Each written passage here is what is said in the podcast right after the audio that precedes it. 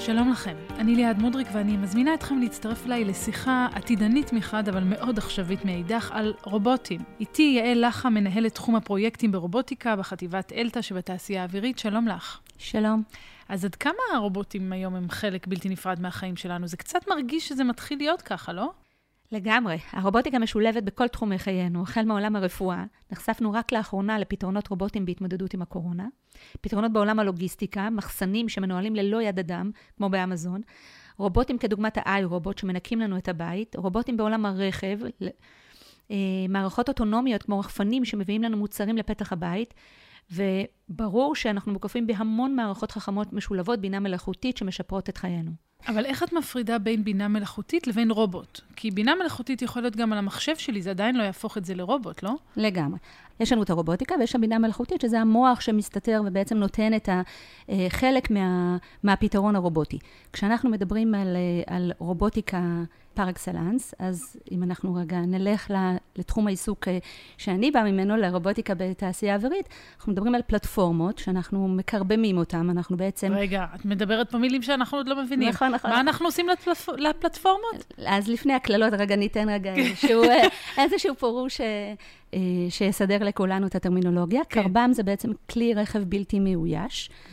אה, קרבם. אז אנחנו מקרבמים את הפלטפורמות. נכון. זאת אומרת, נותנים להן כלי רכב בלתי מאויש. נכון. אנחנו בעצם לוקחים אה, רכב רגיל, שהמאזינים בעצם מכירים אה, מהיום-יום, לוקחים רכב, אם אנחנו מדברים על פלטפורמות צבאיות, אז רכב צבאי רגיל, זה יכול להיות דחפור, זה יכול להיות נגמ"ש, טנק, ווטאבר.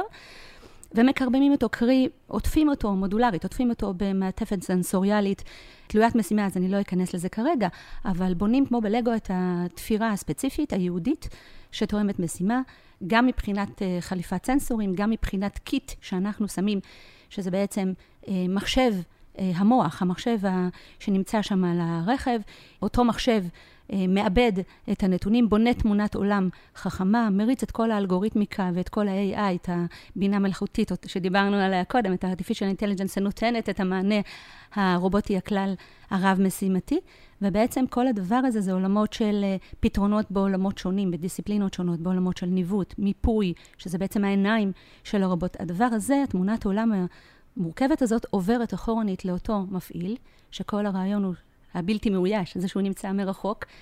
שזה די מדהים להסתכל על הרכב ובעצם לראות אותו נוסע ללא אדם בפנים, ואתה לא יודע לפעמים אפילו איפה נמצא המפעיל. אותו מפעיל שעומד מרחוק, מפעיל קרבם, זה ממש מקצוע, דרך אגב, בדומה למפעיל מל"ט או מזל"ט, יש מפעילי קרבם, ואותו מפעיל קרבם יש לו מערכת אינטואיטיבית שבעצם הוא, הוא גם עומד אל מול מסכי טאץ' ושם מונגשת לאותה תמונת אה, אה, עולם. אה, יש לו התערבויות מפעיל כאלה ואחרות בהתאם למתאר ובהתאם למשימה ולמקטעים מסוימים ש, שהוא יכול לבוא ולהתערב. לקחת את ההגה לידיים, מה שאומרים. והדבר הכי יפה, חלק מההנגשה וחלק מה, מהאינטואיטיביות, זה הכלי ההפעלה שלו. אז גם זה ורסטילי, אנחנו מאפשרים לו לפעול או בעזרת אקסבוקס, שזה ממש אה, בדומה לקונסולות משחקים.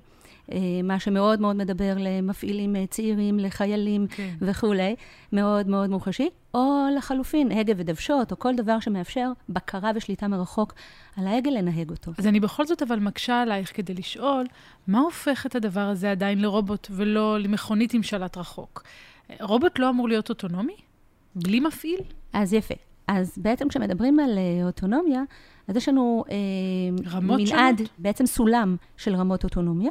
בסדר, אנחנו מכירים את זה גם בעולם האזרחי, יש את המרוץ של טסלה או של מה שאנחנו מכירים לרכב האוטונומי האזרחי, אבל גם בעולמות שלנו לגמרי, ובמנעד הזה יש, מצד אחד יש לנו מוד שנקרא בטרמינולוגיה שלנו TO, Tele-Operation, זה הניהוג הידני, מה שאמרת קודם, יותר ככה מרחוק שלט ו... מפעיל שעומד ומנהג מרחוק, כן. אבל באותו סולם יש אוטונומיה מפוקחת או מבוקרת. זאת אומרת, המפעיל יכול להיות ממש עם ידיים קשורות מאחורי הגב ורק להסתכל, הוא יכול כלל לא להתערב. הטכנולוגיה לגמרי שם. השאלה לאן לוקחים את זה. אני מתארת לעצמי שיש פה באמת הרבה אתגרים שמתחילים עוד בשלב התכנון, אבל גם אחר כך בשלב ההוצאה לפועל, כי יש פה שילוב בין בינה מלאכותית לבין אלקטרוניקה לבין מכניקה. את יכולה לתאר לנו קצת את התהליך, איך הדבר הזה עובד?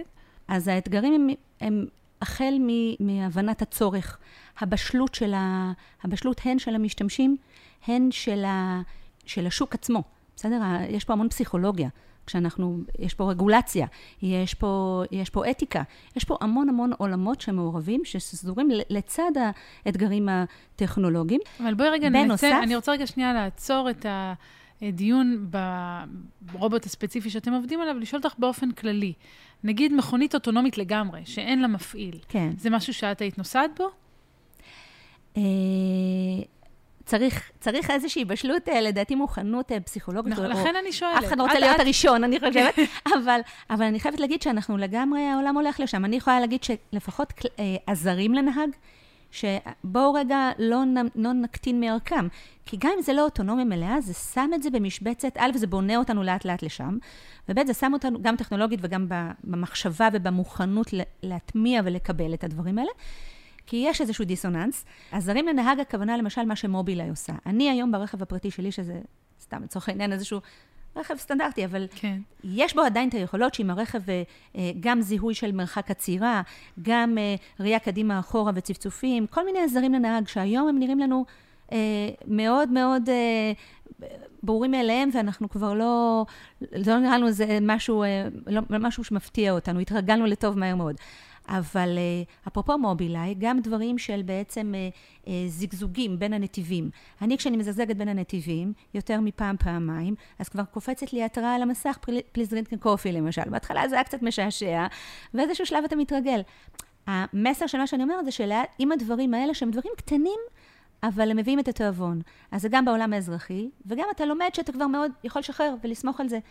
כשאתה נוסע עם cruise control, אותו דבר. כשאתה... זאת אומרת, זה פוגש אותנו בכל ה... כן, אבל את מבינה גם את החשש של אנשים מ over רובוטיזציה של החיים שלנו? נכון, לגמרי. אני חושבת ש... שמה שנקרא man in the loop, אדם בשרשרת שם, עדיין שם ויהיה שם, אה, ולא בכדי. זאת אומרת, גם מהסיבות שאת מתארת, זה, אני, אני מחלקת את זה, את המשולש הזה, זה גם פסיכולוגי, זה גם בשלות, זה גם... הטכנולוגיה, אני חושבת, היא בהחלט דוהרת לכל הכיוונים האלה. החסמים בעיניי הם פחות טכנולוגיים. אבל אדם במשוואה לדעתי כן יהיה, גם אם נעלה בהיררכיה, וזה לא יהיה ברמת פלטפורמה בודדת, אלא נאמר ברמה של מערך קרב. ומערך... היום העולם הצבאי, כשמדברים על אוטונומיה ועל mm-hmm. השדרוגים האלה, הולך לכיוונים של... אה, הוקמה עכשיו יחידה שנקראת יחידה רב-ממדית. אנחנו מדברים במושגים של רב-ממדיות, רב-משימתיות. מה זה אומר רב-ממדיות? של בעצם כל עולמות ה-System of Systems. אתה משלב את כל מה שבנית עד היום, אתה לוקח מערכות, זה יכול להיות לא פלטפורמה אחת, אלא להקה של פלטפורמות. זה יכול להיות שילוב של unmanned, קרי מאויש עם לא מאויש. תשלב עם זה רחפנים, תשלב עם זה, רחפנים מכל מיני סוגים, תשלב עם זה כל פלטפורמה או להקה עטופה במעטפת סנסוריאלית שתפורה לאותו ייעוד. זה נשמע כאילו שדה הקרב. בסוף זה בדיוני. כן, זה נשמע בדיוק, בדיוני. זה נשמע כאילו שדה הקרב העתידני. העתידני לגמרי. הולך להיות, אז מה, בסופו של דבר ישבו בני אדם בחדרים וישחקו באיזה שלטים שיפעילו רובוטים והרובוטים יילחמו אחד בשני? אז, אז אה, זה נשמע מאוד כזה, וזה דווקא נשמע די... אה, כן, לא, לא רע שהם, כל, כל עוד הם רק הורגים אחד את השני. אה, אבל אני חושבת ששוב, צריך לקחת את הדברים רגע בפרופורציה. כן יש את הטכנולוגיה, כן העולם צועד לשם. בפרט אני יכולה להגיד על מפעל יבשה, שיש לו את כל החוזקות, כדי כן להיות שחקן מרכזי ו game changer בדבר הזה, אבל עדיין ברמה, מה שאני קוראת לה רב-משימתית, כשאתה מנצח, גם אפילו ברמת שוב, שליטה ובקרה, מסכים שבעזרתם אתה רואה מה קורה באותו, באותו, שולט על אותו אמצעי. זה לא משנה אם זה טיל, מטוס, מל"ט, אה, קרבם לצורך העניין. כשאני מדברת על משהו רב-משימתי, אז אני כן חושבת שיושב שם, וכן יושב שם בן אדם, שישלוט רגע על כל ה... ינצח על כל המקהלה הזאת, על כל התזמורת הזאת, כן ברמת ה... השליטה מי נגד מי ומה קורה, כן ברמת הלמנוע רגע תקלות, כן. כן ברמת הסינכרון של הכל, וכן בשליטה של הדבר הזה. אבל אילו מקצועות, נגיד היום, שחיילים עושים, יוחלפו על ידי רובוטים? אז אתייחס לארבעה סוגי משימות או תפקידים, מה שנקרא ארבעת הדים, Dangerous, Dirty, דיר ודל, ואסביר בקצרה. Dangerous, אז נשאף כמובן לשלב uh, כמה שפחות, כמה שפחות uh, אדם בפרונט במשימות שמסכנות חיי אדם. Dirty, uh, תדמיינו משימות שמצריכות כניסה למכרות, או לאזורים מלאי אבק, או אפילו לאזורים עם חומרים רעילים. דיר, אה, הכוונה, דיר יקר, הכוונה לתפקידים שבעצם החלפתם על ידי רובוטים גלום חיסכון אה, והתייעלות. ודל, אה, לכאורה משעמם, למה הכוונה? כמו למשל בהובלה, אתה יכול לקחת נהג לצורך העניין, שיושב כן. על איזה משאית ונוסע איזושהי נסיעה רוטינית שמאוד מאוד חוזרת על עצמה, לצורכי לוגיסטיקה, הובלה, דברים כאלה. משאיות ו... כבר אומרים גם בלי קשר, לא רק בתוך הזירה הקרבית, אלא גם בעולם האזרחי, נכון. שתוך כמה עשורים כבר לא יהיו נהגי משאיות, לפי חלק מהתחזיות לפחות. אז בהקשר הזה זה לא... למגינת ניבם של נהגי המשאיות. נכון. אז אתה יכול ככה גם למנוע תאונות בין... יכול נהג לנסוע על הכביש שעות על גבי שעות ולהיות עייף וחלילה אה, ליצור תאונה, או בכלל, כל התחלופה הזאת היא תחלופה שבעיניי לוקחת את האדם ופשוט היא לא מורידה את הצורך בשילוב אדם, אלא היא מטייבת את הצורך לזה שעכשיו אנשים, או חיילים לצורך העניין, יהיו, יפ, יגדירו מערכות, כן. יפעילו מערכות חכמות. אבל טייסי קרב. אופי המשימה בעיניי משתנה. זאת אומרת, את רואה שהטייס יש לו הרבה יותר עזרים, הרבה יותר מערכות תומכות. זה חוסך גם הרבה תאונות. זאת אומרת, בסוף המערכות האלה, כשהן כבר, אני אשתמש שוב במילה מתוקפות, אבל כשהן כבר מבוססות, וכבר חלק מארסנל הפתרונות, וכבר יש לנו ולהם בטח, ול, וליחידות הרלוונטיות אה, מספיק אה, מעטפת בטיחותית כדי כן להכניס את זה, להצטייד עם זה, אז לגמרי זה עוזר לטייס לעשות את עבודתו הרבה יותר ביעילות, באפקטיביות. זה, זה משפר אות, לגמרי את, ה, את הכושר הצבאי anyway, גם אם זה לא החלפה כן. שהיא טוטאלית, עדיין זה שם אותנו, מביא אותנו, לדעתי, לבנות מערך קרב שהוא הרבה יותר uh, חכם. עד כמה, את אומרת חכם, עד כמה הרובוטים שאתם מפתחים לומדים לבד? זאת אומרת, האם אתם מפתחים בעיקר uh, מערכות שידעו לקיים את הכללים שאתם הגדרתם להן, או כבר מערכות שיכולות ליצור כללים בעצמן? אז גם וגם. זה באמת מערכת, אה, מה שנקרא אדם מכונה. כשמדברים על AI, על artificial intelligence, אנחנו מדברים על מודלים מתמטיים. זה לא רק לרובוטיקה הזאת, זה גם בהמון תחומי חיים אחרים מן הסתם. אבל יש לנו פה בעצם אה, לימוד. אנחנו לומדים אה, לזהות, יש קלסיפיקציה. אנחנו לומדים לזהות, זה לא משנה אם זה לזהות בתחומים נוספים גם, בסדר? זה יכול להיות החל מזיהוי של טקסט או של פנים או של דיבור, זה יכול להיות זיהוי של אדם לכל מיני צרכים, ועכשיו אתם יכולים להפליג בדמיון.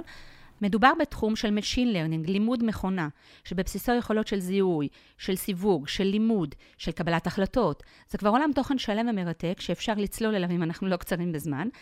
אבל אם נפשט רגע, המערכת מבוססת על אלגוריתמים במכונות מצבים, what if, אותם כללים, כפי שקראת לזה, על פיהם הרכב בסופו של דבר מנהג את עצמו, מזהה ועוקף מכשולים, מקבל החלטות ו- ומבצע את המשימה. אנחנו צריכות לסיים, אבל אני רוצה לשאול אותך אה, לבסוף, על מה את חולמת? מה הרובוט שאת מפנטזת לבנות? אני, אה, ברמה האישית, אני חולמת על לשלב... אה, את העולמות האלה דווקא עם עולמות של... אה, אנחנו מדברים פה המון המון על ציונות, בסדר? אני לפחות, אה, אה, ואמרתי קודם, אני מרגישה ברת מזל איפה שאני נמצאת, לעבוד גם עם אנשים מאוד מוכשרים, זה איזשהו... נו, וגם עולם באמת עם המון המון ציונות ונתינה למדינה. אבל אפרופו נתינה, אז אני הייתי לוקחת את זה לצד דווקא בעולם של האזרחות, עם נתינה לאסכולות מסוימות שאפשר לקחת רובוט ולשפר את איכות החיים של אוכלוסיות חלשות, כמו בעלי מוגבלויות. א', זה למקום כזה, וב', זה למקום של, אה, של אה, לימוד, דווקא, של... אה, אנחנו מכירים היום כל מיני מערכות תומכות באוניברסיטאות או באקדמיה, או, ל, או לתלמידים, או לזה, אז דווקא בעולמות האלה. זאת אומרת, החוט המקשר הוא נתינה, אבל כן, הייתי לוקחת את זה רגע למקומות של, של אוכלוסיות שבאמת זה יכול לתת להם איזשהו, לשים אותם באיזשהו מקום אחר, לשפר, לתת להם מענה. טוב, נשמע כמו חלום ששווה לרדוף אחריו, באיזשהו כן. שלב. תודה רבה לך, ושיהיה בהצלחה רבה. תודה רבה, תודה למאזינים. עד כאן הפרק להיום, תודה שהאזנתם לחוג הסילון. פרקים נוספים תוכלו למצוא בספוטיפיי, באפל פודקאסט ובכל אפליקציית פודקאסטים אחרת. נתראה בפרק הבא.